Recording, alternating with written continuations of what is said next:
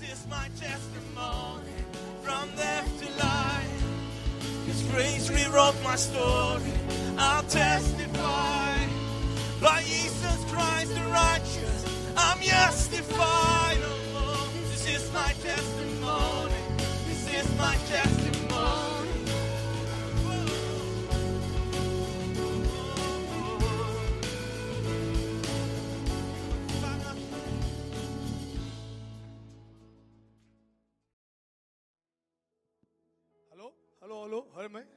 Hörs det? Ah, Okej! Ja, nu Övik, nu kör vi här. Okej. Tack att jag får vara här. Eh, jag ska ju berätta mitt vittnesbörd. Vet ni vad vittnesbörd är för någonting? Okej, jag ska berätta. Det, det, är en, det är min livshistoria. Okej? Och det, titeln på den det är Från totalt mörker in till skinande ljus. Okej? Och eh, jag vill att ni ska vara fokuserade och lyssna. Grabbar, jag ser er. Larva inte er. okej? Jag är också från orten, så ni vet. Ingen lallish. Lyssna nu. Det är viktiga budskap jag ska berätta idag för er.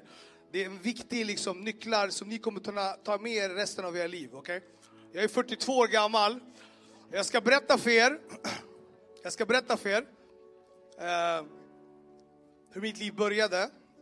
Jag kommer från Etiopien, Eritrea, från början. Etiopien, Eritrea, jag föddes där. Jag kom, eh, jag kom till Sverige i slutet på 80-90-talet där. Eh, och jag kom från krig och elände. Det var krig där, inbördeskrig i 30 år. Okay? 30 år inbördeskrig, så min mamma och pappa, de, min mamma är eritrean, min pappa är etiopier, så det var konflikt mellan de två länderna. Och jag föddes då i ett land som fortfarande var ett, det var inte delat då. Så att det var kaos, 30 år, ni fattar, 30 år är länge. Så jag förlorade mycket familjemedlemmar där och halva min släkt de dog i det kriget. Okay? Så jag var säkert en 4-5 år gammal eh, när de tog min pappa. De la honom i en sån här koncentrationsläger, fängelse, torterade honom och han var borta. Och jag fick gå med min mamma till ett annat land för vi skulle fly från kriget nu. okej? Eh, och jag var alltid liksom jätte, liksom, saknade min, min pappa, jag fattade inte var han var. Och det var ingen som ville säga vad som hade hänt. För i det kriget, det var ju en extremt liksom, alla var rädda varje dag. För att det, fanns, det fanns ingen som helst trygghet någonstans, förstår ni? Så då, du vet, när jag vaknade på morgonen, jag visste inte ens om jag kommer leva nästa dag eller inte. Jag visste inte det. Min mamma, när hon gick ut ur dörren, jag visste inte om hon kommer komma tillbaka eller inte. Så jag, varje dag jag vaknade upp, jag tänkte så hoppas det ingenting dåligt händer idag. Jag vaknade med den här stressen inombords.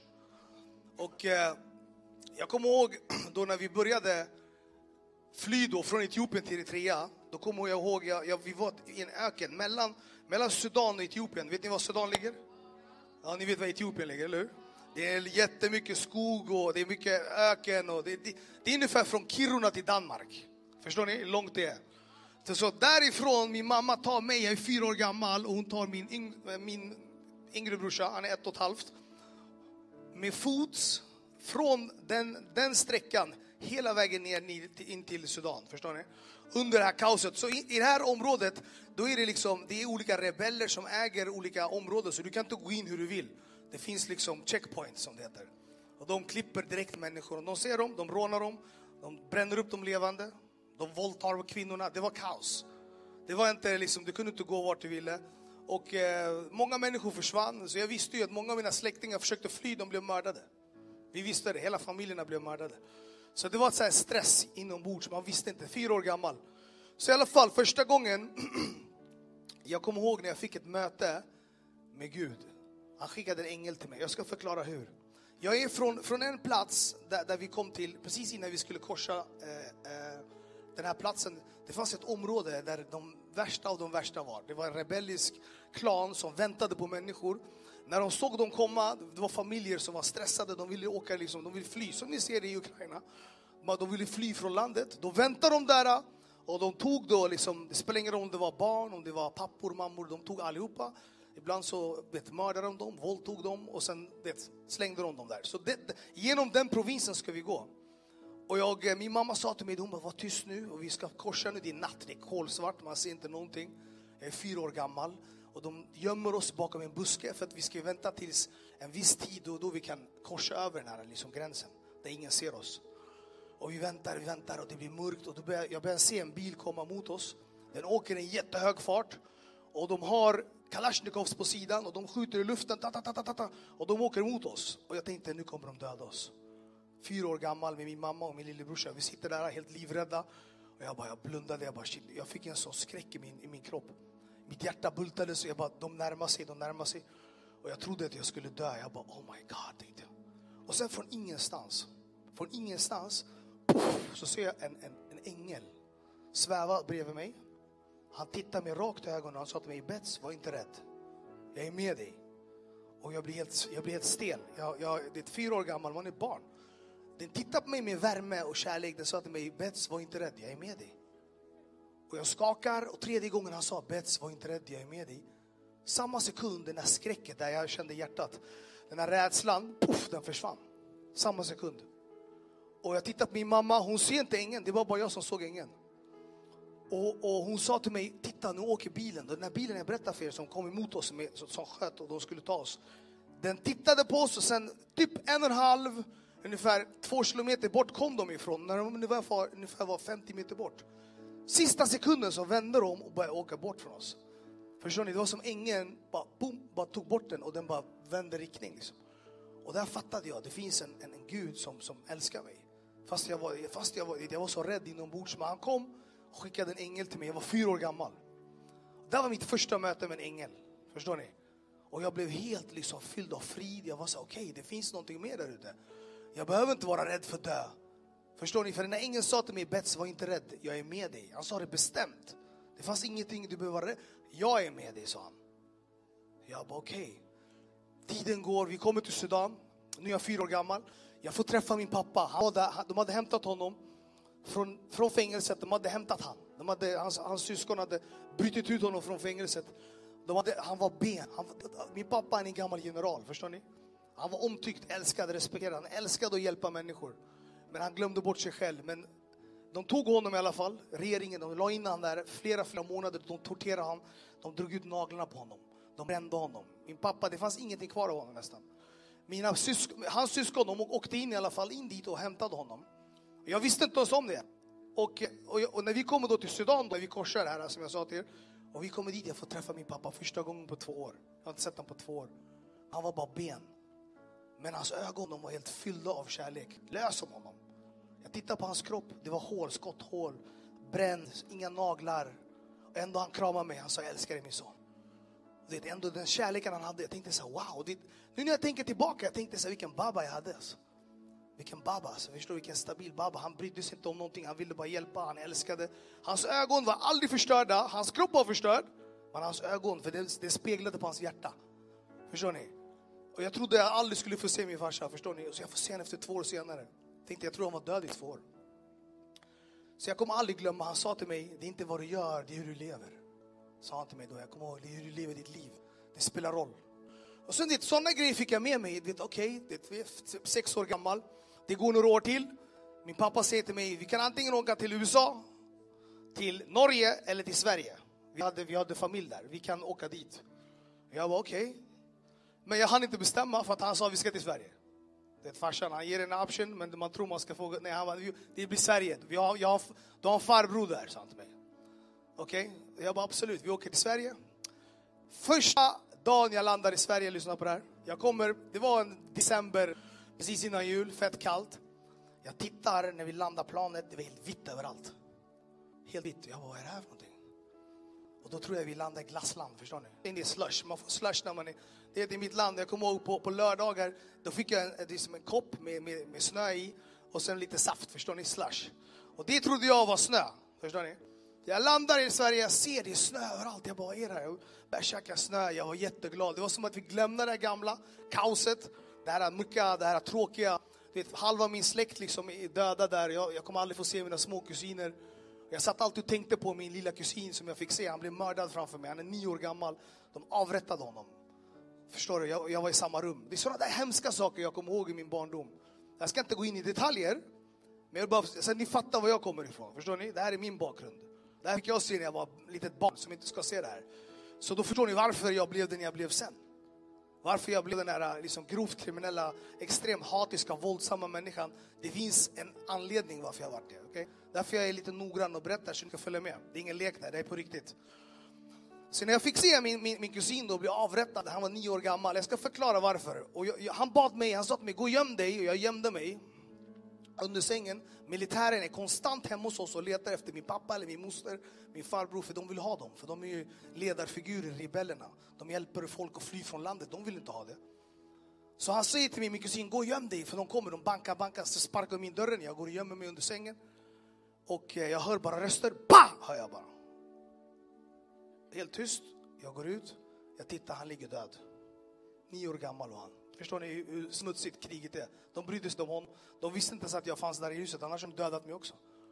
Den, den trauman gick jag och bor på, förstår ni? Jag, var det, han var min, min storebror, jag älskade honom. Jag var sex år gammal, han var nio. Förstår ni? De bara, bara avrättade han och bara gick ut. De letade lite i, i huset, de gick sen. Och jag, det, i chocken jag fick i det där, jag var helt traumatiserad. Och den har jag ju med mig nu hela vägen. Det är ingen som vet om det, för att man talar inte om det. Jag kommer till Sverige, jag landar i glasslandet. Jag går till skolan, jag träffar nya människor. Liksom, och du vet, det var inte alls den, den bemötelsen jag förväntade mig. Förstår ni?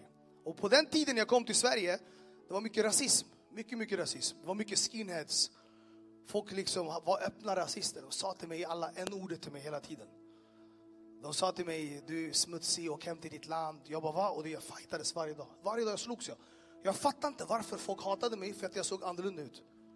Och jag förstod inte, vad, vad, vad är det för typ av hat? Det, när, jag, när jag växte upp i mitt hemland, där, då var det hat mot, mot regeringen. De, de tyckte inte om människor som hade egen fri vilja. Förstår ni? Det är en annan, men här var det för att jag såg annorlunda ut. Och då byggdes det något i mig. Jag, bör, jag, bör liksom, jag, bör, jag tänkte, vad är, vad är det här? Varje dag, folk kallar mig grejer och jag tar inte det. Ibland så får jag stå där, jag slåss mot fyra, fem pers. Jag var inte den som sprang, jag var alltid, jag stod där till, till sist. Jag tänkte så en dag, jag kommer, jag kommer aldrig låta det här hända mig igen. Så jag började ta med mig vapen. 10-11 år gammal är jag nu. Jag tog med mig vapen till skolan. Inte för att jag gillade att slåss, utan för att jag tänkte jag måste skydda mig. Det här går ju inte. Folk kan inte kalla mig, hoppa på mig, skada mig, vad tror de? Det är, jag fattar inte, det är inte okej. Okay. Jag, jag, jag mår inte bra av det här. Och en dag jag tog med mig kniv hem från skolan till skolan, eller på väg till skolan, så träffade jag fyra skinheads. Och de är typ fyra, fem år äldre än mig. Vet ni vad skinheads är? Ah, Abba vilka? Ja, exakt. Nazister, nynazister. de vet, okay. Det är i alla fall, jag bara, de fattar tror jag. Ja, okay. Det är nynazister. De är rakade, de har oftast bomberjacka och de har vita skosnören. De går runt och skriker si heil och så skriker de massa fula ord. De är smutsiga. Okej, okay? de menar, det finns bra och dåligt allt, men de var extremt, på den tiden var det så, och det här var jag, det här var det jag fick bemöta. Och de skrek massa fula grejer till mig, de slängde ölburkar och började slå mig. Din, din, din smutsiga neger, och hem, skriker de till mig. Och jag fattar, jag blir så här, vad är det här? Jag gick hem den dagen, jag kom hem blodig. Min mamma var inte hemma, så jag vill aldrig visa dem att jag hamnade i slagsmål. Då skulle de bli jättearga på mig. Så jag, jag tvättade alltid bort det jag, jag, jag, jag gick in till mitt rum och grät. Tänkte så här, det här var inte alls kul. Jag, bara, jag tänkte så här, jag ska ta fast alla de här människorna. Förstår ni? Jag bara, jag, jag, jag, jag bara hämnd kom i mitt, mitt hjärta. Liksom. Ett mörker. Jag bara, varenda människa jag ska ta fast, tänkte jag. Och det här var ju inte ens liksom min mening. Förstår ni? Jag kom till Sverige och var jätteglad. Och sen det här, jag blev bemött på det här sättet. Så när jag kom hem till skolan, i alla fall den här dagen, jag kom, när, jag, när jag kom hem så blodig, då kollade jag mig själv i spegeln. Jag, jag torkade av allting, min tand var lös, knäckt näsa, hade ett jack här i huvudet. Då lovade jag, jag svor, jag bara aldrig mer jag ska låta en människa skada mig. Verbalt, vet ni vad verbalt betyder? Muntligt, man säger från munnen. Ingen ska säga någonting fult till mig eller ingenting ska göra någonting fult till mig. Nu är jag 11 år gammal, 12 år gammal, jag är fylld av hat, jag är fylld av, av, våld. Alltså tittar du på mig, jag blir bara direkt, jag attackerar dig. Förstår ni? Jag var som en tickande bomb. Förstår ni? Och det, under den här tiden så hamnade jag många gånger där andra människor varit mobbade. Förstår ni? Jag ser så andra, ah, du vet, de ska, och du vet, jag, bara, jag gick direkt hoppade in dit och smashade människorna där. Och jag tog med mig basebollracket, jag blev som en vet, vandrande liksom, dynamitpaket. Jag bara exploderade på allt, för jag var så fylld av hat, fylld av hämnd. Och en dag, jag kommer aldrig glömma, min, jag, jag började liksom, jag började träffa en, en jättesnäll liksom, kille som också var barnsoldat. Han kom från eh, Liberia, ett land som ligger i Afrika. Han var en barnsoldat. De hade kidnappat honom, lyssna på hans story. De hade kidnappat honom från hans hem när han var 12 år gammal. De tog med honom ut i djungeln och gjorde honom till soldat. Som gick in och dödade oskyldiga människor. Det är en barnsoldat. Förstår ni? Mot hans vilja. Och de dödade hans föräldrar. Okej? Så tänk dig någon kommer hem till dig, de bara, ah, du, vi tar med dig dig och du ska bli en, du, vi äger dig nu, du, du är våran. Och hur som helst, den här killen då, i tre år var han i djungeln och, och, och var tvungen och de, de gav honom droger. De bara gå hit till den byn och bara... Det, så fick de gå hit dit. Varje dag, det. förstår du den ångest han får gå och bära, döda oskyldiga människor. Helt plötsligt i alla fall, en dag han får nog. Han bara tänker så här, jag klarar inte av det här. Han är mitt i djungeln nu. Han ser hans lilla armé där, han, han ska gå och pissa och han springer igenom hela skogen och ramlar ner för en, för en eh, litet berg och landar på ett område. Han gömmer sig där i två nätter. När han har gömt sig där i två nätter, då kommer missionärer från Sverige där. Och han springer ut dit, han bara hjälp. Och de bara okej, okay. och de tar honom mirakulöst. De lägger in honom i en, Eh, en bil, de tar honom till en stad. De adopterar honom, de tar honom till Sverige. Och där ah, så ser han mig. Jag nu, jag går i en busshållplats och jag ser nu, nu, det här är hur jag och han träffades. Jag går, till, jag går i en busshållplats, jag ser nu fyra, fem då, nynazister, de kommer från av ett tåg. Jag är helt själv där. Ah. Jag tog fram då mitt vapen, jag bara okej, okay, jag står där helt ensam. Då ser jag han komma där. Jag känner inte honom. Han är också samma sak, han är svart. Så vi står där två svarta tillsammans och det kommer ett gäng med ny springer emot oss och vi bara fightas. Och där blir vi bröder. Jag visste inte då om hans liv var så hemskt. Att det här jag berättar för er nu, det här berättade han nästan 15 år senare för mig. Och det fanns ett, ett, ett hål i honom, ett stort hål i honom. Förstår du? Och många av mina vänner som jag berättar för er har gått igenom de här sakerna. Ni är unga, men hänger ni med? Det finns en, en mycket djupare mörker i det här. Många människor vet inte det. Många tror att det är coolt att vara gangster eller vara en bankrånare. De fattar inte att gå beckna. Det, det är mycket sånt där saker. Varför jag berättar det här, mitt liv. Jag valde inte att vara det här som jag blev. Jag, det, det livet valde mig för att jag kom in på fel spår genom att jag ville hämnas och våld och, och sen helt plötsligt människor tycker om någon som står för sig och tar på sig grejer. Och jag hamnade i, i, i en, en ondska av, av, av hat och hämnd. Så min vän i alla fall, jag och han, vi tittade på en film som totalt förvandlade våra huvuden när vi var små. Vi tänkte så här, varför går alla runt och har det mycket bättre än oss? De hade finare kläder, det är de här rasisterna, nynazisterna. Så en dag när jag kom till skolan igen, då kommer äldre människor, då nya nassar, och så börjar de garva åt mig. De bara, aha, kolla på dina fula kläder. Då börjar jag garva åt dina kläder. Jag bara, vad är det för fel på mina kläder? Tänkte jag. Så innan jag hann, det är första gången. Min mamma, det, vi var fattiga. Tar oss till second hand-butik. Vet ni vad second hand-butik är? Ja, exakt. Så min mamma, fin, hon bara kom min son, vi ska gå och köpa kläder. Jag bara okej, okay, jag går in och köper kläder. Jag köper lite för korta byxor. Jag tar på mig det jag gillar. Och jag tänkte säga, jag hade ingen aning om att det var så viktigt att se ut på ett visst sätt. I dagens läge är det något helt annat, eller hur? Alla måste ha några kläder för att annars är du inte någon. På den tiden var det annorlunda. I alla fall, de här kläderna jag går med och jag går till skolan, det börjar reta mig. Jag blev sårad, jag blev jätteledsen. Ha, ha, ha! Alla bara, kolla vilka fula kläder. Jag bara, okej, okay, det är så här ni vill ha det. Då började jag råna dem. Jag rånade dem på alla kläder de hade. Ja, ja man kan garva idag åt det. Jag rånade dem och jag blev så här, ska du ha det bättre än mig? Så jag började gå in, jag började rättfärdiggöra mina handlingar. Förstår ni? Det är farligt. När man tror att man kan rättfärdiggöra sina handlingar för att man själv har varit liksom illa behandlad, då blir man värre än dem. Och det var det jag blev. Jag blev tio gånger värre än de här människorna. Tio gånger värre. Alla de som hade gjort mig illa, jag skadade dem tio gånger mer. Jag pressade dem på pengar, jag rånade dem. Jag blev bara liksom en, en olycklig vandrande liten demon kan man säga. Sen jag blev äldre i alla fall. Jag märkte att, aha, pengar, jag började förstå så här. Är det det som ska göra människor lyckliga? För de som har bättre ställt än mig, de har pengar. Är det det man ska fixa? Då började jag tänka så jag ska fixa pengar. Och då tänkte jag, var finns det pengar någonstans? Förstår ni? Exakt. Så jag började liksom lista ut hur man gjorde det. Jag började titta på det och jag fastnade så jag blev besatt. Jag besatt av det. Så jag började då, första rånet jag gjorde då, jag var 14 år gammal, jag var inte mycket äldre ner. Mitt två grova rån gjorde jag. Och när jag gjorde det så fick jag en falsk, lyssna nu, falsk lycka. Det, det där var ingen sanning i det.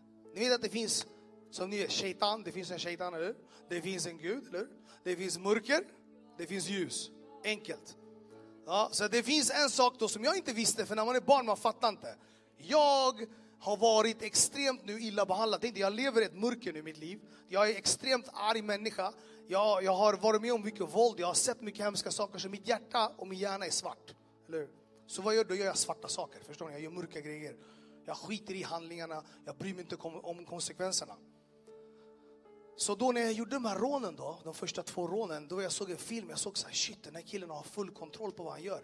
Jag trodde att jag behövde få kontroll i mitt liv, så jag tänkte om jag fixar pengar, om jag fixar mycket pengar, då kan jag ta hand om min familj, då kan jag göra det och det. Jag bara okej, okay, jag ska fixa pengar. Då började jag gå in i det här med rån. Och min första grova rån jag gjorde när jag var 14, jag och min vän då, vi hade trappistol, vi sprang in och dubbel, liksom, det var dubbla mackar, vi rånade dem. Och eh, jag kommer aldrig glömma när jag kom hem sen efteråt. Det var, det, vi hade polisjakt och allting. Jag var 14 år gammal, jag kunde inte köra en bil. Jag, det var, det, ratten var här. Och det, så här, man var väldigt finurlig, man, man såg lösningar i saker och ting. Och det här är också en sak som ni ska komma ihåg och veta. Vi alla människor, vi har gåvor som vi har fått av Gud. Okay? Gud älskar oss, han ger oss gåvor. Vad vi gör med gåvorna, det är upp till oss. Under den här tiden, jag var med eh, i stadslaget i fotboll. Jätteduktig fotbollsspelare. Allting jag satte min hjärna på, jag var duktig, men jag var trasig här inne. Okej? Okay? För det är ingen som visste om min trauma. De fattade inte det, så att vad jag gjorde, det var ah, vad duktig han är, men jag kunde inte ta emot liksom, uppmuntran. Jag kunde inte ta emot kärlek. Jag visste inte ens vad kärlek var, för att jag hade aldrig fått det när jag var liten, så jag kunde inte ge vad jag inte kunde ha. Okej? Okay? Så jag var trasig här inne, så att när vi vann, när du var bäst, när jag gjorde tre mål, alla vad duktig du är. Jag, jag kunde inte ta emot det. Varför? Jag hatade mig själv. Vet ni vad självförakt är för någonting? Ja, eller hur? Självförakt är någonting, det är när man hatar sig själv. Man fattar inte varför, men man hatar sig själv. Jag hatade mig själv på grund av att jag var trasig. Förstår ni? Så att när jag, när jag gjorde alla de här bra sakerna, alla, du var duktig du är, jag, jag, jag, kunde inte hitta, jag, när jag bara, jag kan göra bättre. Nej, nej, det var inte så bra. Du gjorde tre mål bror! Jag bara, nej, jag kunde gjort fem mål. Jag, jag förstod inte att man ska lära sig och kunna ta emot liksom, när någon uppmuntrar en. Så i alla fall, jag började råna, jag börjar se så att den enda gången i mitt liv där jag känner mig i kontroll, det var när jag sätter på mig mask. Okej? Okay? Så när jag sätter på mig masken och jag hade min gun, jag sprang in och rånade en bank eller en transport eller vad jag gjorde. Det där hålet jag hade, tillfälligt så fyllde jag den. Tillfälligt. Okej? Okay? Och jag fortsätter i alla fall i den här vägen som blir värre och värre och värre. Och jag börjar se hur människor, äldre grabbar liksom i, i, liksom i undervärlden, de börjar höra om ens namn och det blev så att människor började dras den. Jag gjorde inte de här sakerna för att få kompisar, jag gjorde det för att jag tänkte jag ska fixa så mycket pengar som möjligt och så ska jag ta, ta min familj till en bättre plats. Det var det jag tänkte. Så i alla fall, och då tiden går, jag börjar göra värre och värre rån. Det blir värre och värre grejer, det blir bara mörkare och mörkare. Och mina vänner då som jag hade med mig, de började hamna i konflikter med andra olika liksom, eh, gäng och olika liksom, människor som bodde i andra orter. Och de började slösa pengarna de gjorde på rånen och det är klart folk tittar, de blir avundsjuka och det börjar bli, liksom, det börjar bli grupperingar. Och jag, jag, jag, var jag gillade aldrig det. Jag var alltid den som försökte stoppa det. Jag gillade inte att starta det, förstår ni? Så att, så mina vänner började hamna i problem, så jag hamnade i min första skottlossning när jag var 14,5-15 år. En kille blev mördad. Och då fattade jag, det här var på riktigt då. Sen går det några månader, så hamnade vi i ett jätteallvarligt liksom, eh, slagsmål med ungefär 20-30 personer, där en av mina bästa vänner då, en liten chilenare, som blev knivhuggen. Och vi står och slåss där, vi var 10 personer. Vi var tio personer och de var 20 och vi slogs och sen bara ser jag det är kniv och den träffar honom i lungan, han förblöder och jag till sist ser jag bara en ligger och sen kommer polisen, alla springer, han ligger där. Han är helt livlös, han är död. Och jag får panik, jag bara tänker så han kan inte dö, han får inte dö liksom. Och jag bara, det var min, vet, en, en jättenära vän till mig och jag bara tänkte så här, och då blev jag ännu mer fylld av hat. Jag bara tänkte så nu ska jag döda alla människor, jag skiter i det. Pallar inte mer, vad tror människor? Så jag bara Varenda människa som kom närmare, nära mig, jag hade alltid avstånd. Förstår ni? Så ingen, och då menar inte jag fysiskt, jag menar känslomässigt också. Förstår du? Jag fick ingen kram när jag var liten. Det är inte att min mamma och pappa inte älskade mig. De var också traumatiserade av kriget. Tänk dig min pappa jag berättar för er. Trots det, han är idag min, han är min bästa vän. Jag älskar min pappa och min mamma. Men det fanns en tid där det var mycket sår, som vi alla bär på. Ni har också sår. Vi är också trasiga. Vi har också saker och ting vi bär på som Gud måste hela. Vi kan inte läka det med pengar eller vänskap eller människor. Det går inte. Det är bara Gud som kan göra det. Det finns inget annat. Jag ska komma in till det senare. Nej, han lever. Jag sa ju det, han är min bästa vän. Han är 72, han är fortfarande stark. Han är starkare än mig. Så i alla fall, när jag, när jag, när jag, när jag växte, det, tiden går, och det, efter att min, min vän dog då, efter knivhuggningen, han dog, det dog någonting i mig också. Förstår ni? Det var då första gången, inte när jag var liten, när jag var sex år gammal, då såg jag min kusin. Jag såg inte han blev mördad, tack. Jag såg inte honom bli mördad, men jag hörde pa, och han dog. Och sen andra gången, då var det en nära vän till mig där. Så jag tänkte så här, döden för mig har ju varit väldigt, väldigt, väldigt nära mig. Jag räknade bara för typ två år sedan, jag håller på att skriva min bok här nu om mitt liv. Jag räknade ihop över 40 vänner till mig sen jag kom till Sverige har dött. 40 plus. Av de här 40, 10 av dem var nära. Brorsan, alltså, det är min broder. Och två av dem var mina bästa, bästa vänner. Och två av dem dog i mina händer. En blev skjuten, en annan blev huggen. Och jag vill bara förklara för er hur mycket mörker som har varit i mitt liv. Det. Efter den här dagen då när min vän som blev nedhuggen mördad, och då började jag och mina vänner göra upp en plan på hur vi ska ta fast de andra grabbarna. Och det blev en planering och så en dag ser vi dem. Och det är svart, jag ser bara svart. Nu börjar min, min hjärna börja funka på ord på ett annat sätt. Jag börjar se svart. Om jag ser någon jag inte gillar, jag hann inte ens tänka, det blir bara svart. Förstår ni? Det här är, inte, det här är ett mörker nu, förstår ni? Annars man kan ändå tänka, inte nu kanske, nej. Nu var det bara poff. Så jag, vi ser de här människorna och vi är, jag tror det var tio stycken och vi var typ fem, sex. Jag bryr mig inte, jag springer in och det är fullt slagsmål. Jag tar fram en kniv, jag hugger den här killen. Han ramlar ihop och det blev, alla försvinner. Han lägger sig där, alla trodde han var död. Sen springer vi därifrån. Och det går typ två, två, tre, två tre dagar och då får jag höra att han i sjukhuset, han överlevde. Jag vill inte döda honom, men då sa de till mig så här. Han blev förlamad från midjan ner. Men han dog inte. Varför jag berättar det här för er, det var vad som hände med mitt hjärta. Normalt så man tänker så här, oh vad skönt att han levde. Men jag, blev så, jag, var så, jag var så död inombords, jag var så arg. Så jag tänkte, varför dog han inte? Förstår ni vilken, vilken kall människa jag var? Förstår ni, bara, det är därför, förstår ni hur kall jag var? Och det är det här var, vilket mörker jag, jag kommer ifrån. Så att det här, nu var jag 14 år gammal. Jag hade ingen som helst att ta någons liv eller om någon dödade mig, döda mig. Jag var, jag var, och sen inte nog med det, man var smart, man planerade. Så nu har djävulen, han har fått bra grepp på mig nu. Okej? Okay? Så han håller på att styra mitt liv nu, jag vet inte det. Jag börjar göra ännu mer värre grejer, jag går in i grövre rån och jag börjar transportrån. Jag gjorde mitt första transportrån när jag var 16 år. Jag gjorde mitt första bankrån när jag var 16 och ett halvt. Så jag börjar göra mer och mer pengar. Jag tänkte jag ska göra en mille när min mille är klar. Jag är 17 år gammal, jag gör min första mille och jag kommer hem, jag räknar de där pengarna. Jag får en ångest inombords. Jag trodde att när jag gjorde den här summan, att jag skulle bli fri. Men sanningen var att jag blev ännu mer tommare. Jag blev helt trasig. Jag, bara, jag fick ångest. Jag bara, hur kan inte jag må bra nu? Jag trodde att jag skulle vara glad. Då började jag lura min hjärna. Jag började tänka, vet du vad, jag måste fixa mer para, mer pengar.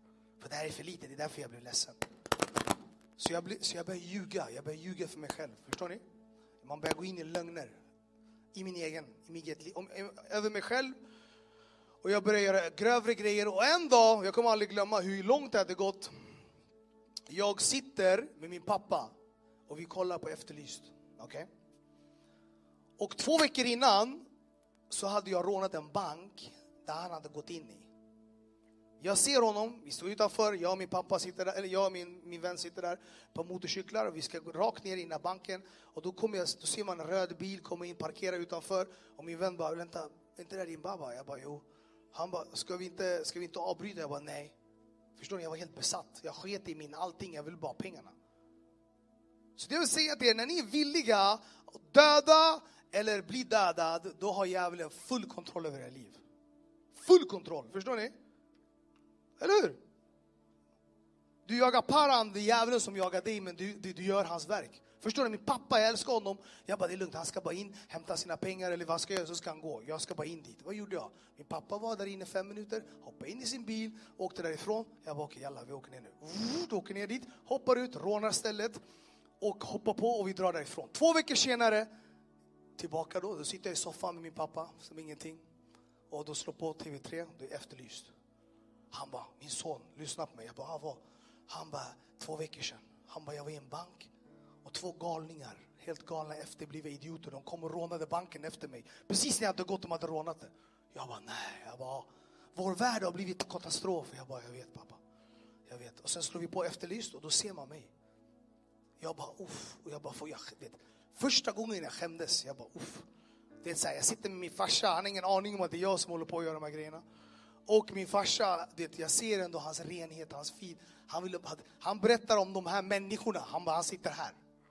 Jag har berättat för honom nu, mycket senare, han vet att det var jag, så vi är lugna. Han sa till mig, om jag, om jag visste att det var du, jag hade slagit sönder dig, sa han till mig. Jag skulle ta toffla, slänga den, slänga i rummet, bälte. Jag bara, det var därför jag inte jag, jag sa det. Så att han bara, bra. Men hur som helst, förstår ni vad jag menar nu? Att, vilket, hur långt det hade gått för mig. Jag var 17, år, 17, år, jag var 17 och ett halvt år gammal. Sen går, fortsätter tiden i alla fall och jag börjar komma in i amerikansk... jag spelade amerikansk fotboll, jag var med i landslaget. Jag vann tre SM-guld. Och eh, jag var med, jag var den första svensken som fick stipendium. Under den här tiden, jag ska förklara nu, jag var en expert på att leva i masker. Jag hade bra betyg i skolan. Alla visste att oh, han är jätteduktig i skolan. Och sen med mina grabbar, vi, vi planerade nya rån varje, varje helg. Vi skulle klippa någonting nästa månad. Då hade jag en viss mask. Med mina föräldrar, jag var den där pålitliga sonen som alltid tog hand om sina syskon och skickade in en liten kuvert med pengar då och då. Ljög för dem att jag jobbade. Förstår ni? Medan jag gick och som gjorde allt det här. Så ändå, de här tre liven jag levde, tre dubbelliven. Jag, jag, jag gick varje dag hem, jag bara kände en tomhet. Jag tänkte, den här masken jag går och bär på konstant, den var, den var tung att bära. Jättetung att bära. Jag bad alltid en bön som jag, för mig själv, jag bara Gud, snälla ta bort det här. Gud, snälla ta bort det här. Och sen tänkte jag, så vem pratar jag med? Jag pratar med mig själv. Tiden går, jag fick åka till USA, jag åker till USA. Eh, det går jättebra där, eh, men min hjärna är fortfarande där. Jag har ingen frid, jag har ingen glädje. Förstår ni? Jag har den här masken, ah, allting är bra, du är jätteduktig. Oh wow, du har gjort så många det, det, det. Man bara, ah, tack så mycket, tack. Och jag kom hem till Sverige. Jag kommer tillbaka till Sverige och då står två piketbussar och väntar på mig. Okej, okay? poliser. Om ni vet vad piket, ni måste veta. De står och väntar på mig i Arlanda och jag tänker så här, eh, vem letar de efter? Inte mig i alla fall. Och de bara, Alltså, Asiafa, lägg dig ner! Och de bara ta mig in i bilen. Nu är jag 20 år gammal. Jag tänker så här, knas, vad har jag gjort nu? Och jag har ingen aning, jag har varit borta nästan ett år. De slänger i mig, jag sitter häktad. Efter några veckor, de säger till mig vad jag är misstänkt för. De säger till mig, du är misstänkt för 12 grova rån. Jag var bara. Jag tänkte så här, okej, okay, men vad då för några? Så jag började min hjärna gå i högvarv. 12 grova bara, okej. Okay. Och då började jag, men det kommer mer, säger de till mig. Och då börjar, då börjar panik i mitt hjärta komma. Samma ångest och rädsla jag kände när jag var fyra år gammal i öknen. Jag berättar för er, ni kommer ihåg. Jag gick där, jag tror jag skulle dö. Panikångest. Jag kände samma rädsla kröp upp mig. Jag började få panik. Jag bara tänkte, jag kommer aldrig komma ut. Jag har aldrig suttit häktad. Jag sitter 13 månader häktad. 13 månader. Fulla restriktioner också. Om ni vet vad det är. Det är ingen lek. Fulla restriktioner, ingen TV, ingen tidning. Ingen sällskap, du sitter själv. Det är värre än, värre än en isolering. Och eh, jag sitter där eh, och jag väntar och jag tänker så här, nu är mitt liv kört. Och de börjar skriva saker om mig och mina vänner på tidningen. Och sanningen om mig nu, kom ihåg jag sa att jag levde ett dubbelliv, tre liv. Jag levde jättebra betyg i skolan, superduktig i juniorlandslaget, amerikansk fotbollsspelare. Eh, och sen hade jag liksom mina grabbar. Som jag alltid. Så jag hade så här, ingen visste vem jag riktigt var. Jag visste inte riktigt vem jag var. Så tidningen de skrev saker och ting, det, fem, fyra, fem sidor. Tänkte min mamma och pappa. Jag bara kände, vilken skam jag lägger på min mamma. Liksom. Min mamma varje dag, hon bara, har du skött dig? Jag bara, ja mamma. Och sen går jag ut och jag går och rånar en bank. Förstår du? Jag tänker så här, jag går och skjuter någon människa där. Jag gjorde saker och ting, jag levde ett lögn, jag levde ett dubbelliv. Och nu, allt det där jag levde, det kom upp till ytan. Alla visste nu. Förstår ni? De hade gjort fem år, hade de liksom följt hur span på mig och fått mer eller mindre allting jag gjort. Nästan alla rån kunde de inte bevisa, men mönster. Förstår ni? Och min mamma och min pappa, jag tänkte så här, shit. Och då stod också till och med om dem i tidningen. Min pappa, han var präst. Min mamma, hon, hon var en terapeut. Så här, fina, respekterade föräldrar. Alla älskade dem, förstår du? Och sen deras son, den jätteduktiga amerikansk fotbollsspelaren. Eller, det, så här, allt det här äh, som jag hade kämpat för att hålla, bara raserade. Förstår ni? Det bröts ner. Jag blev jätteledsen i alla fall och, och det går dagar. Och två dagar nu innan jag skulle få min dom, nu väntar jag på min dom, okej? Okay? De har sagt att du är misstänkt för det här. Och jag tänker så här, nu jag kommer inte klara av det här. Och min advokat han bara, det ser kört ut för dig. Han bara, det är någon som har golat också. Jag bara, va? Ja, det är någon som har golat, och ni vet vad det är. Det är någon som har pratat. En pratade i telefon, han sa att det var bets. Jag fixade de här grejerna till bets, sa han totalt. Och jag bara, okej, okay, då är det kört. Han hade fixat alla bilarna liksom, till rånen och motorcyklarna. Han nämnde mitt namn i telefonen och telefonen var avlyssnad. De bara, vem är Bets? Säger polisen som avlyssnar mig. Och då började de göra den här förundersökningen på mig och de fick tag i mig sen. Men det fanns inga bevis. Men hur som helst, dagen innan jag ska få min dom, jag får en panikångest så jag tror att jag ska dö. Jag bara, tänk om de ger mig det, tänk om de ger mig tio år, tänk om de ger mig ingenting. Jag, vet, jag visste inte, jag, vet, jag var helt, helt chanslös mot vad som skulle komma. Ensam, jag känner mig så ensam, jag kan inte ens förklara det med ord. Tom, rädd. Så jag, jag gick ner på knäna, jag tänkte precis börja be. Jag skulle bara be en bön. Vi, vet, vi brukar alltid be när vi är knas. Det är bara då vi ber.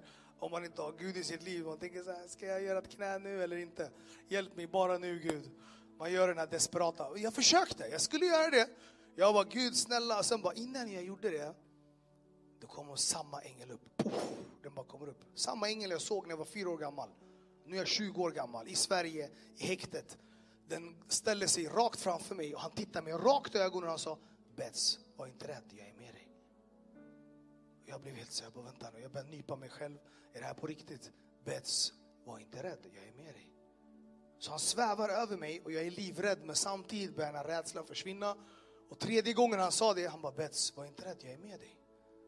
Och jag blev helt lugn. Jag bara shit, jag, det är så här, jag behöver inte vara rädd för vad en som kommer nu. Jag behöver inte vara rädd. Jag behöver inte... Och då bara poff, han försvann.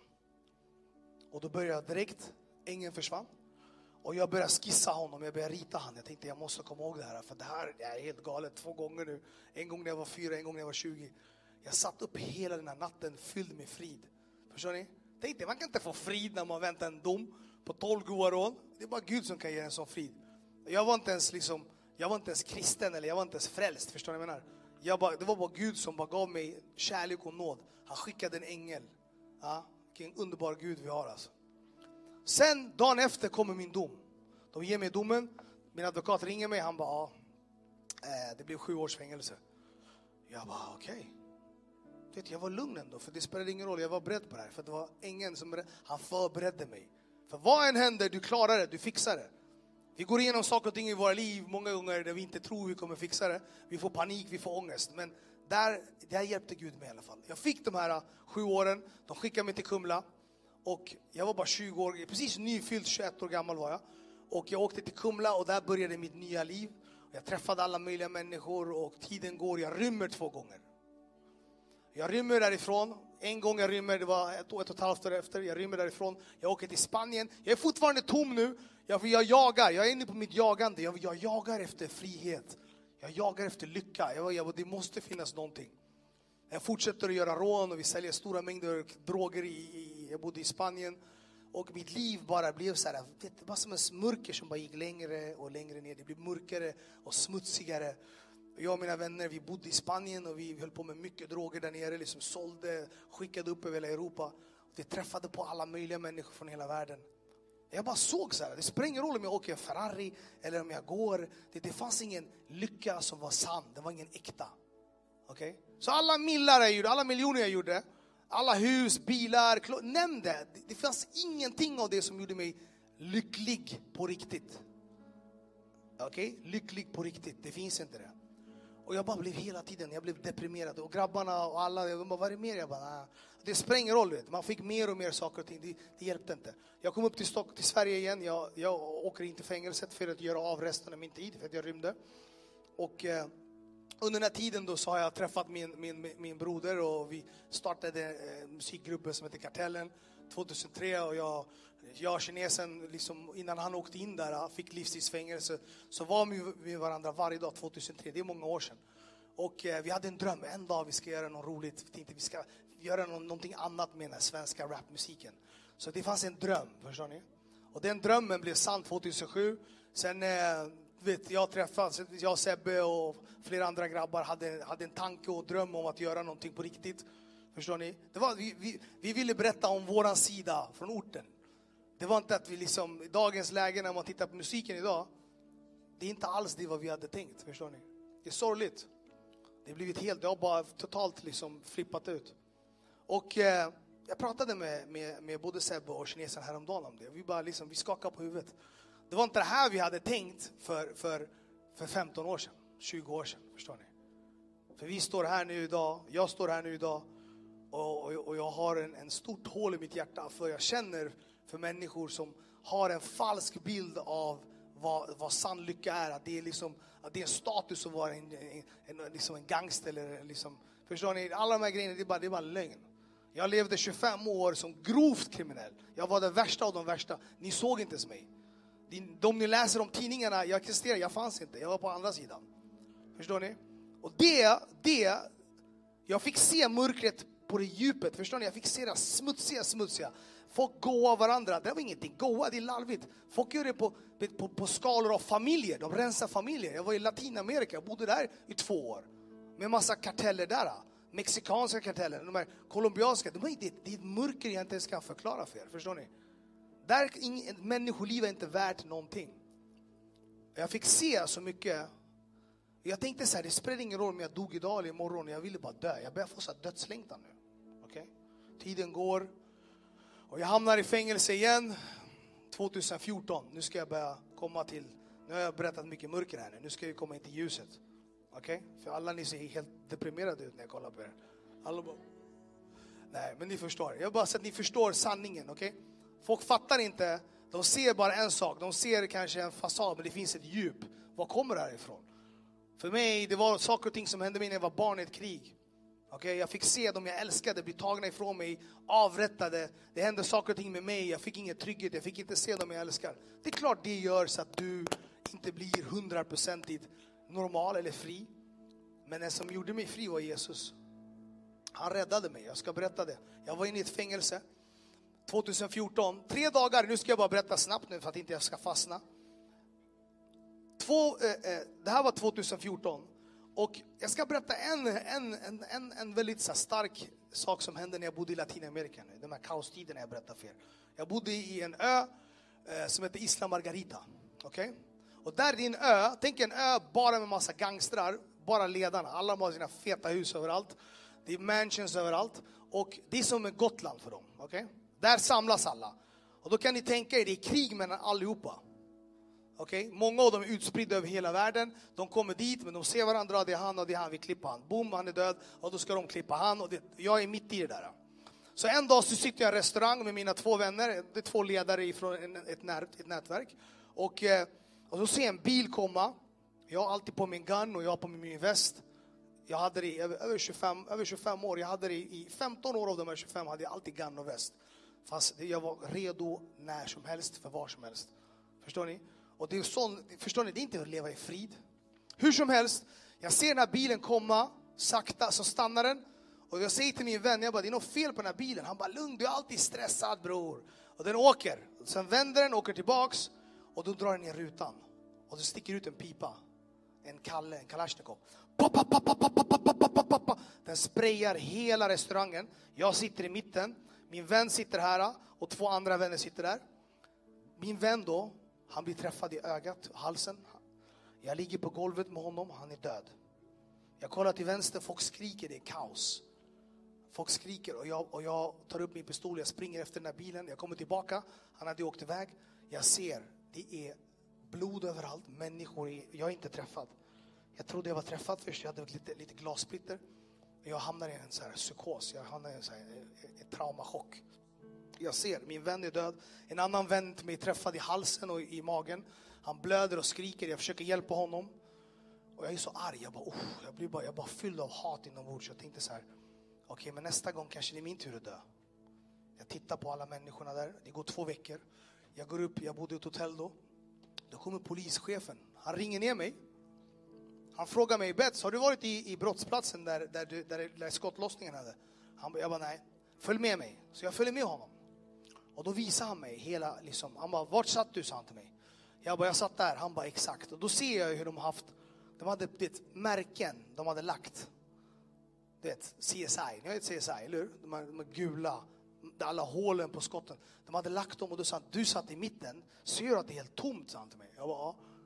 Han bara, du skulle vara död nio gånger, sa han till mig. För skotten som har gått, du ska bli träffad med nio till sju skott och du blev inte träffad en enda gång. Jag bara, ja. Fattar inte du? Jag bara, nej. Du har ett mirakel. Han bara, det är en ängel som har skyddat dig, sa han till mig. Jag känner inte ens den här polischefen. Jag bara, ja, det kanske är sant. Och då jag tänkte jag inte på det, men jag bara, uff, det är sant. Alltså, det, båda de här blev skjutna, han dog, jag satt i mitten, det kan inte vara ett mirakel. Då tittade jag på väggen, jag gick närmare och kollade. Då var det hål hela vägen, så här, Prr, och sen var det tomt där jag satt. Och sen, prr, då har det varit någonting som har blockat det här i mitten. Då förstod jag inte vad det var. Jag ska berätta varför. Det går några dagar sedan vi går till ett ställe där mina vänner de går ner och, och gör en eh, häxhandlingar. Förstår ni? De går till en voodoo doctor. Vet ni vad det är? Ja. De gör olika, har någon ett bättre ord för det på svenska?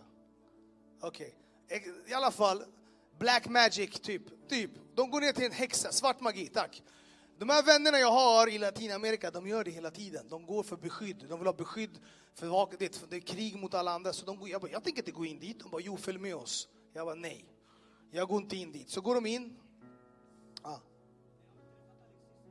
Vad är det för fråga? Slänga huvudet på honom? Nej, jag skojar. Jag berättar sen. Ja, ja, det är en vän till mig. Jag skämtar. Följ med här nu, jag ska berätta. Det här är viktigt.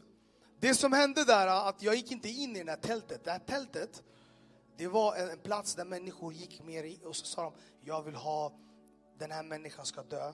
Jag betalar 10 000 kronor, jag ger blod från mig själv till dig. Det är en ritual. Det man går in, in till djävulen mer eller mindre. Jag ska aldrig gå in dit, sa jag. Hur som helst, en häxa som sitter där och gör de här ritualerna. Och då kommer hon ut sen, efter hon har gjort klart det med dem. Och jag sitter utanför och väntar på mig, mina vänner och hon kommer ut och tittar på mig. Och hon blev riktigt arg och jag tänkte, uff, jag vill inte ens vara här. Hon går in och hämtar en höna, en levande höna. Hon tar den, hon biter av huvudet på hönan. Hon Dricker blodet, hon bara puff, spottar på mig. Hon bara, äh. och då skrev hon till mig på spanska, hon bara, du kommer dö innan du är 30. Du kommer dö innan du är 30. Du kommer dö. Hon förbannar mig. Förstår ni? Hon förbannar mig. Och jag fattar inte, jag får blodet på mig. För jag var den enda som inte gick in i tältet. Alla mina vänner gick in dit. Jag torkar bort mitt blod, jag bara vill slå henne. De bara nej, du kan inte slå henne. Jag bara okej. Okay. Så jag går till hotellet, jag försöker torka av mig blodet, det går inte. Vad som hände där, den här förbannelsen träffade mig. Direkt efter det, några veckor senare, jag börjar förändras. Jag börjar gå runt och säga att jag kommer dö innan jag är 30 ändå. Mina vänner de bara kollar på mig. Jag börjar göra mer och mer suicide missions, förstår ni? Man får så sjuka uppdrag. Okej, okay, det finns det här. De är, de är hundra grabbar. Jag bara, okej, okay, jag ska in dit. Jag börjar göra sjuka grejer. Jag, börjar, det, jag värdesatte inte mitt liv eller någon annans. Så jag börjar säga med min egen mun, ah, jag kommer ändå dö innan jag är 30. Precis det hon sa till mig. Utan att jag visste om det. Så jag gick i en förbannelse, förstår ni? Och det här är också en sak som man måste komma på och komma, viktigt att man ska tänka på vad man säger. Okay? Det finns kraft, i, i, i, det finns liv vi kan säga, och vi kan, vi kan tala död eller vi kan tala liv. Eller Man kan alltid välsigna någon eller man kan förbanna någon. Eller Det är en viktig grej att tänka på. Med din mun kan du bygga upp någon, med din mun kan du förstöra någon. Eller Så det, vi har makt i tungan. Det är det som Gud säger, det står i Bibeln. Den har makt att bygga, den har makt att förstöra. Så hur som helst, det går några år i alla fall, ungefär ett halvår. Jag går tillbaka till Sverige efter den här förbannelsen jag har fått. Och eh, jag hamnar i en, eh, en jag ska till, till en begravning, en vän, han, han, har, han har dött, en till vän har dött till mig. Jag ska till begravningen och jag sätter mig i en lägenhet och väntar på begravningen för att jag kan inte gå på begravningen för att jag är efterlyst. Så då har jag smugit in i landet, till Sverige då, och jag har liksom ja, några timmar kvar tills jag ska gå. Det är, jag väntar tills det blir mörkt. För polisen kommer vara där. Jag tänkte jag kan inte gå till, till begravningen då. Jag är jätteledsen. Och jag sätter mig i bilen sen. Det är klockan 12 på natten. Det ösregnar. Okej? Okay? Det ösregnar. Lyssna nu. Lyssna. Häng med här nu. Det här är viktigt. Ni ska höra nu. Du hör ju, eller hur? Jag ska förklara. Lyssna nu. Jag sätter mig i bilen. Jag åker mot, begrav, äh, mot begravningsplatsen. Och jag, jag, jag tar av mig bältet. Jag sitter i baksätet. Okay? Och mina två vänner, de kör, den ena kör och den andra sitter de börjar prata. Jag hör inte, jag tar av mig bältet. Och så vi åker i kanske 90, 90 100 km i timmen. Det är kolsvart, det ösregnar. Från ingenstans så ser jag en bil komma mot oss i motfil. Och min vän i panik så svänger den till höger Och jag glömde bort, jag bara nej, jag har inget bälte. Så puff, jag flyger ut genom rutan. I, i, i nästan 100 km i timmen. Jag åker ner i diket. När i diket där så finns en sten, jag åker ut där. Och jag krossar mitt adamsäpple. Jag hade en keps på mig. Så den, det, när jag krossar vindrutan, hela, mina, hela min, jag krossar hela det här benet. Det här är titanium nu. Och jag, båda mina lungor punkterar jag, så jag ligger på motorhuven. Jag har åkt igenom hela bilen. okej? Jag, åker, jag är helt blodig, jag bara ser bara blod rinner. Och jag, bara, och jag kan inte ens andas. Jag, bara, åh, jag känner blodklumpar komma ut från min mun. Det ösregnar, mina vänner de sitter fast. Och jag ser det marken, jag försöker kräla bort. Jag försöker ta mig upp, det går inte, jag kan inte andas. Mina lungor är, tänkte jag har brutit båda lungorna nu, eller brutit mina revben och de har gjort hål i mina lungor. Så det rinner in blod och, va- och vatten, förstår ni? Så jag håller på att dö här nu. Så jag kryper upp mot vägen, jag tänker jag måste ta det lugnt för jag känner mig stressad. Jag tänker desto mer jag stressar upp mig själv, desto mindre och mindre av mitt liv har jag kvar. Så jag lägger mig på rygg, jag tittar upp mot himlen. Jag, bara, jag kommer dö nu känner jag, jag kommer dö. Och då börjar jag se, så här blinkande. Som en, det är som en telefon man har. Det står så här, 5 procent, 3 procent, 2 procent. Jag bara, nej jag kommer dö. Jag kan inte ens andas. Och så sista andetaget gör jag oh, och jag bara kommer ut sista klump blod och bara lägger sig i mitt ansikte. Och jag dör. Jag, får, bara, jag dör helt och hållet. Och jag känner hur min kropp lämnade. Min, jag ser min kropp. Jag ser min själ lämna mig själv. Jag ser det och helt plötsligt så kommer en ambulans. De slänger in mig i bilen och de tar mig därifrån. Jag är inte där. Min kropp är där, men min själ här. Jag är dött nu. Och jag trodde så här, det här är inte sant, det här är ett skämt. Jag tror jag började nypa mig själv. Jag tänkte så här, det enda jag kunde höra var en röst som sa till mig, Bets, vad har du gjort med ditt liv? Som ett ljus framför mig. Jag ser ett mönster. Jag bara, vad är det för någonting? Jag tittar ner, jag ser min kropp, den är helt död, den är helt förstörd. Där framme, jag ser en röst som kommer till mig. Bets, vad har du gjort? Den dömer inte mig, den bara frågar mig, vad har du gjort med ditt liv? Och jag får panik, jag bara shit, jag är död, jag är död, jag kan inte röra mig. Det är helt tyst. Förstår ni? Och jag får panik. Och helt plötsligt så får jag se mitt liv flasha förbi framför mig. Jag får se när jag var tre år gammal. Jag får se då när jag var liksom ensam i, i lägenheten, när jag var i Etiopien, när det var krig, när det var bomber överallt. Och, då hör jag röst som säger till mig, jag var med dig. Jag bara, va? Och sen när jag var sex år gammal, när jag gömde mig där och du vet, när de där soldaterna kom och dödade min kusin. Han bara, jag var med dig, jag var med dig, jag var med dig. Och han tog mig hela vägen till den där dagen när jag var i Latinamerika, jag berättar för er. Den där kallen sprayade och jag inte dog. Då får jag se en hand där jag satt. En hand. Han bara, jag har varit med dig. Jag bara, wow, då fattade jag varför inte jag dog året innan. Och sen visar han mig hela vägen till min begravning. Förstår du? Nu Jag får se det här som en film. Jag är död. Jag ser en, en, en kista framför mig. Ovanför, jag ser min, min kropp. Jag ligger där. Jag bara, oh my god, jag är död. Jag ser min familj, mina vänner, det blev större, mina nära och kära, mina, mina grabbar, mina fiender. Det blev större och större ring. Jag bara ser, det var ett flock med människor där. Och alla människorna tittade på, på, på, på kistan och det var jag, jag var död. Jag tänkte så här, vad är det som händer? Alltså? Och sen han går in i, i människors huvuden, jag får höra vad de tyckte om mig. För jag, som jag sa, jag hade självförakt, jag hatade mig själv. Mina fiender sa, Ah, han var ändå en bra grabb, vi gillade honom, vi respekterade honom. Jag bara, va? Hur? Och jag tänkte, den går in i människan. han ville visa mig att jag inte behövde hata mig själv. Han gick in i min brorsas huvud och sen han gick in i min mammas huvud. Och när han gick in i min mammas huvud, då hör jag ett skrik. Hon skriker av sorg. Jag bara, åh. Det är jag svek min mamma. Jag bara, nej, du vet, min mamma som älskar mig. Jag bara fattar inte. Jag, jag, jag bara, jag vill inte dö. Gud, snälla, snälla ge mig en chans. Jag kan göra bättre. Jag börjar få så här panik. Jag bara, snälla hjälp mig, hjälp mig. Och då bara, så tar han mig därifrån och så bara försvinner jag. Två dagar senare så vaknar jag i sjukhuset. Då har de återupplivat mig. Jag var död i 15 minuter. 15 minuter var jag död. De hade brutit upp min, mina reben, fixat mitt adamsäpple, gjort konstgjort.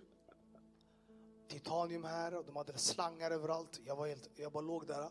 Jag öppnade mina ögon, jag ser min mamma, jag ser min familj. Jag bara, jag lever, jag är inte död. Och vet ni hur gammal jag var? 29,2 veckor innan jag skulle fylla, fylla 30. Förstår ni? Och kommer ni ihåg vad häxan sa till mig ett år innan? Kommer ni ihåg? Vad sa hon? Precis, hon förbannade mig. Och vad hände? Nej, jag dog, inte nästan. Jag dog 15 minuter. Men Gud, vad sa han till mig? Han tog tillbaks mig. Han gav mig en chans till. För jag bad om det. Och 42. Och det varför jag berättar det här för er, det är att det finns inget omöjligt för Gud. Ser ni? Tänk dig, han tar mig som är kaos av de kaos, fattar ingenting. Jag hamnar i situationer konstant. Han tar ändå mig och ger mig nåd, han ger mig kärlek. Han till och med låter mig leva när jag ska vara död. Förstår ni? Det är ändå barmhärtighet. Det är nåd, det är kärlek. Det är, det, det är liksom som en baba ska göra. Och i det här, jag kommer då till sista delen av den här historien, min livshistoria jag ska berätta. Det som är så fantastiskt med det här är att två dagar nu innan jag ska mucka, jag sitter nu, jag har suttit i en bunker, i Kumlabunkern i två år. Vet du vad Kumlabunkern är? Nej, kan, nej, det är den värsta stället du kan... Har du rymt, är du liksom en, en grov, grov liksom kriminell som inte ska komma ut så ska du sitta där. Där sitter bara tio av de värsta. Där satt jag i två år på grund av att jag rymde och jag var en farlig människa tyckte de, men jag var där inne ensam och jag fick tid att tänka. Två dagar innan jag skulle komma ut, jag började göra en lista. Okej, okay? följ med mig nu. Jag gör en lista. Tänk dig allt det jag har berättat för er, allt det jag har varit med om. Jag har, jag, jag har allt jag vill ha där ute, man tänker ekonomiskt och och jag bara gjorde en lista nu när jag kom ut två dagar, jag är nervös. Uff, när jag har suttit i två år i den här ruttna bunken. Jag måste börja liksom fixa och dona när jag kommer ut. Jag gör en lista och den listan, det är mörkrets lista. Det är, det är människor jag ska skada, saker och ting jag ska göra. Det är ett fel, allting som är bara mörker. Och jag var så trött på mitt liv så jag bara skrynklade upp den pappret. Jag slänger den. Jag sa så här, okej. Okay. Jag gick ner på knäna första gången och jag bad en bön. En hel bön från mitt hjärta. Okej? Okay? Jag är trött på allting nu. Jag har gjort allt, sett allt, gjort allt.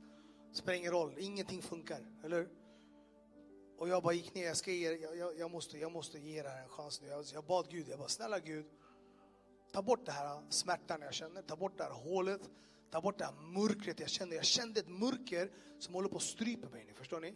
Ett mörker, jag kände bara hur djävulen bara, vet så här, han vill inte släppa mig. Jag bara så, åh. Jag bara Gud, du måste, det är bara du som kan ta bort det här. Jag ber dig, ta bort det här, snälla.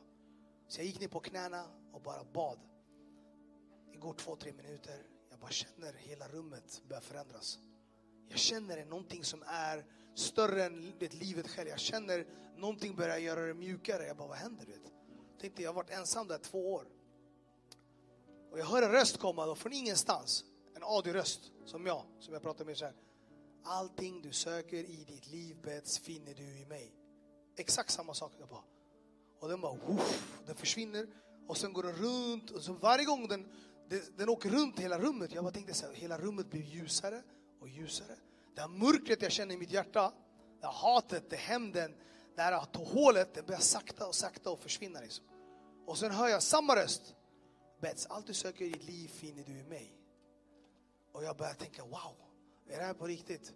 Och sen sista gången så säger han till mig, allt du söker i ditt liv finner du i mig. Jag förlåter dig och jag älskar dig. Och sen förvandlades hela rummet till ett lysande ljus.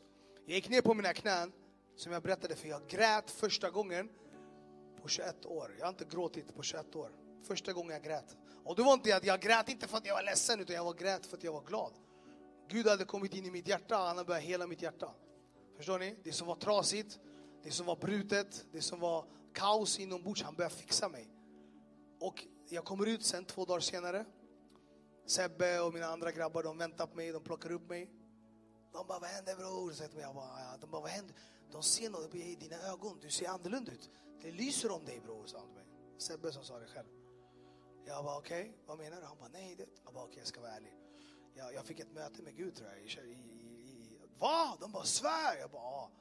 De bara, de, jag trodde att de skulle säga att jag hade flippat ut. De bara, de var skitglada. Varför? Jo, för att de också fått ett möte med Gud. Sebbe hade fått det, en annan broder till mig, Chito hade fått det, kineserna hade fått det. Alla av mina grabbar hade fått ett möte med Gud privat själva. Leo, ja du vet det. Amen. Så att idag står jag här. Idag, jag, jag vet min, min, min livshistoria, den är, den är mycket, mycket längre så jag har bara packat ihop den. Men där började mitt liv, förstår ni? Där började mitt liv. Sen två veckor senare jag gick till kyrkan där och jag, och jag tog emot Jesus i mitt liv. Och det var det coolaste jag gjorde. Vet ni varför? För att jag var så rädd. Jag tänkte så här, vad betyder det här med frälsning och räddning? Vad är det för någonting? Alla snackar om frälsning. Nej, nej, han lever. Jag pratade med honom häromdagen. Och då, vet du vad det här betyder? Vet du vad frälsning betyder? Det är att ta emot, lyssna nu, följ med mig. Det här är viktigt, grabbar lyssna. Räddning är någonting vi kan få från Gud. Okej? Okay? När vi tar emot honom i våra hjärtan, som jag gjorde, ni, ni fick höra, jag kom ju från totalt mörker, eller hur? Kaos. Men den enda som mötte mig på alla de här platserna, vem var det? Exakt. Han kom och mötte mig. Han, och, och, och, och varför gjorde han det då? För att jag behövde hjälp, eller hur? Eller hur? Hjälp, räddning. Han, han räddade mig. Eller hur? Ni följer med mig, eller hur? Så varför är det viktigt för oss att ge vårt liv till Gud? Att överlämna det till Jesus. För att han ska få flytta in i våra hjärtan och börja förvandla oss, hela oss och så att han kan ge oss frihet. Så vi kan vandra i glädje och kärlek. Och för mig var det jättesvårt i början, för jag hade så mycket oförlåtelse i mitt hjärta. Tänk dig hur många människor jag hade skadat. Vet, man och jag hade så här, jag bara tänkte Gud, hur, hur kan du förlåta mig? Hur? Hur? Det här går ju inte. Jag har allt det här jag gjort. Och då sa Gud till mig så här, jag älskar dig. Jag, du- jag skickade min enfödde son Jesus att han skulle dö på korset för dig. Spelar ingen roll vad du har gjort. Så jag säger till er idag, det finns saker och ting vi går och bär på i våra liv, eller? Vi har massa saker. Vi har gjort fel. Allting som vi har liksom burit på i vårt liv som kanske inte är menat för oss att bära. Han älskar oss. För alla er här inne som är här idag, det finns en anledning varför ni är här idag. Förstår ni? Och alla ni har också en resa. Och och, och och det ni går igenom, och det ni går igenom... Hallå?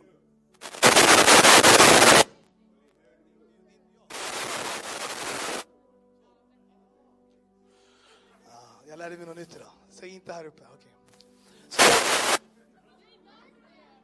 Det Höger så. Not today Satan. Eh, Det viktigaste för oss idag, jag vill i alla fall att ni ska följa med mig på, på den sista resan. Och den sista resan är, vart är jag någonstans i mitt liv idag? Det här, det här Bets berättar om, det är som att, att ta emot Jesus och Gud i sitt hjärta. Så att man kan vandra med honom och leva ett liv av frihet och förlåtelse. Så att jag också kan få vara ett ljus.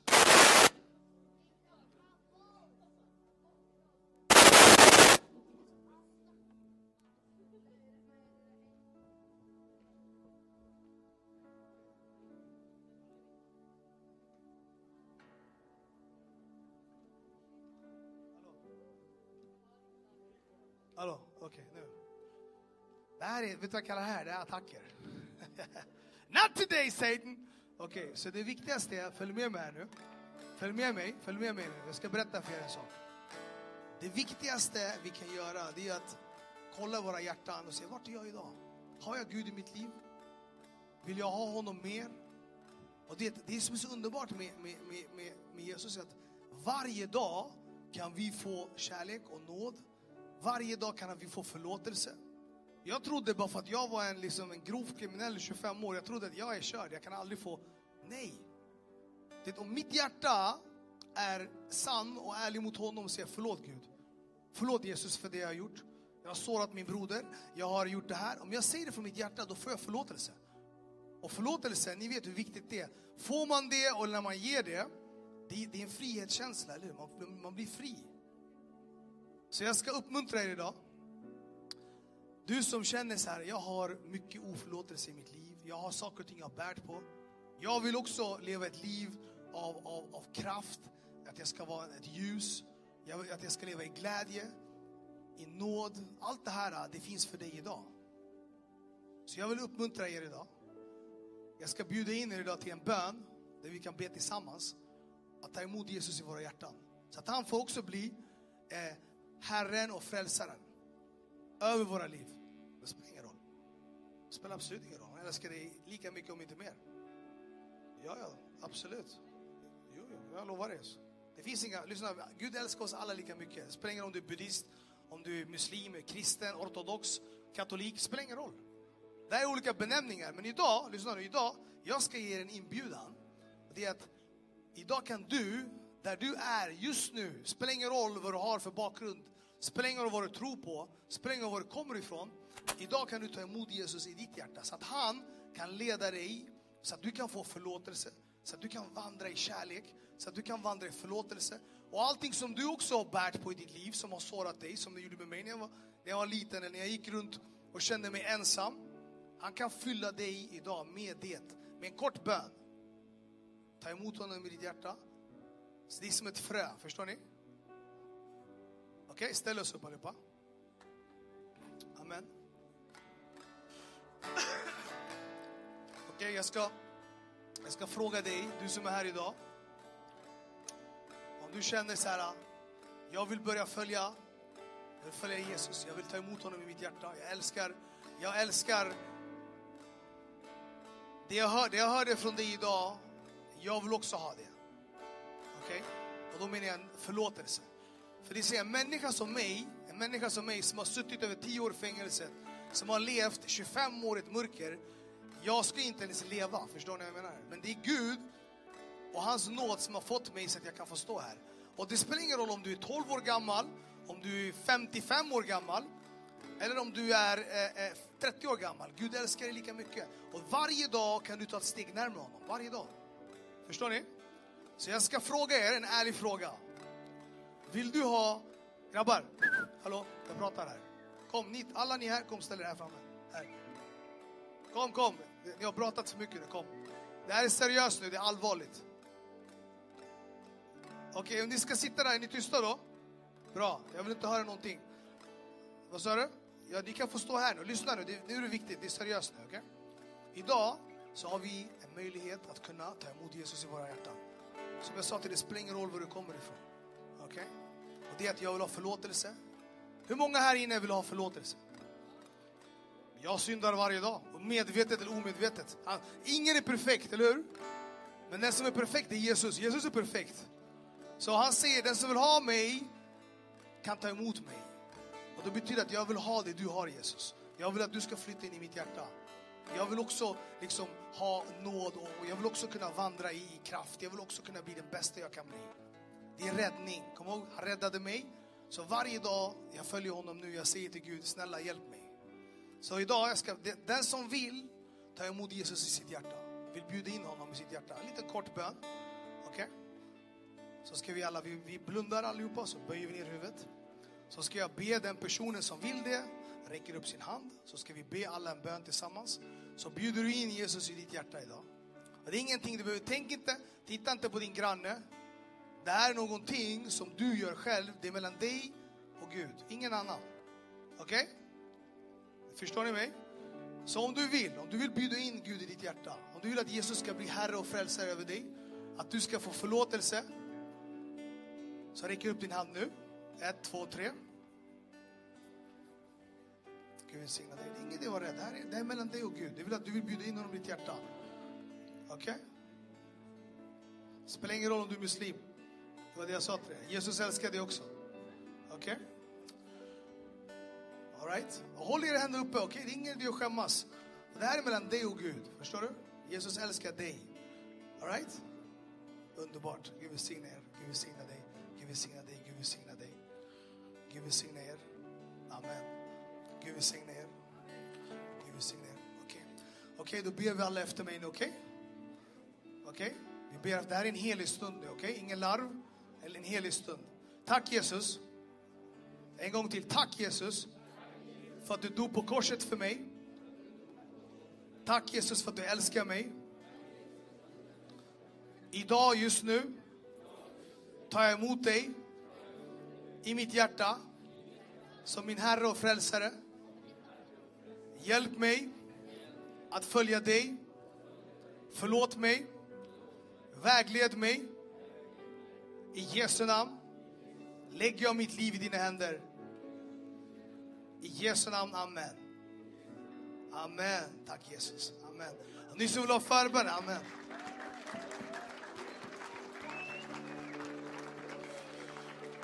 Vi har också, och den som vill, kolla ni som har räckt upp händerna. Ni kommer dit sen, om ni kan ställa er där så ska jag gå och prata med er sen, okej? Okay? Det är ingenting så att skämmas över någonting. Vi, vi ska be en liten bön. Och så ni som också vill ha förbön, om det finns någonting ni vill be för, förstå om ni har eh, någonting ni går igenom, om det finns tyngd i ert liv, eller om det finns oförlåtelse, eller om ni vill kanske förnya er relation med Jesus, eller om ni vill ha en, en nyare relation med, med honom. Allt det så kan vi, vi har förbönsteam, eller hur? De är spridda överallt här. Ja, tack så mycket. Så att det, är en, det, är en, det, det var, eller hur Thomas? Så förbönsteamet, alla som har halsband där. Och gå till dem om ni vill få förbön. Jag kommer också be här för de som vill ha bön. Okej? Så jag vill bara säga att det beslutet som du kanske inte tog med mig, om du vill också säga men jag vill prata mer med dig om Gud eller jag vill ta emot Jesus, så finns jag här. Okej? Det här är någonting mellan dig och honom. Det är ingenting du behöver tänka på. För vi alla har någonting i vårt liv vi behöver ge till Gud, eller hur? Vi har massa saker och ting. Tänk dig mitt liv. Mitt liv var katastrof. Men Gud han räddade mig. Han tog mig från mörker in till ljus. Så att jag kan stå här idag och komma och tala till er och ge er hopp. Det spelar ingen roll om du är muslim eller jag sagt det, det spelar ingen roll om du är katolik eller ortodox. Gud älskar dig ändå. Han har en plan för ditt liv. Förstår ni? Så ni ska inte tänka det är vi och dem. Det är vi allihopa. Amen. Amen. Tack.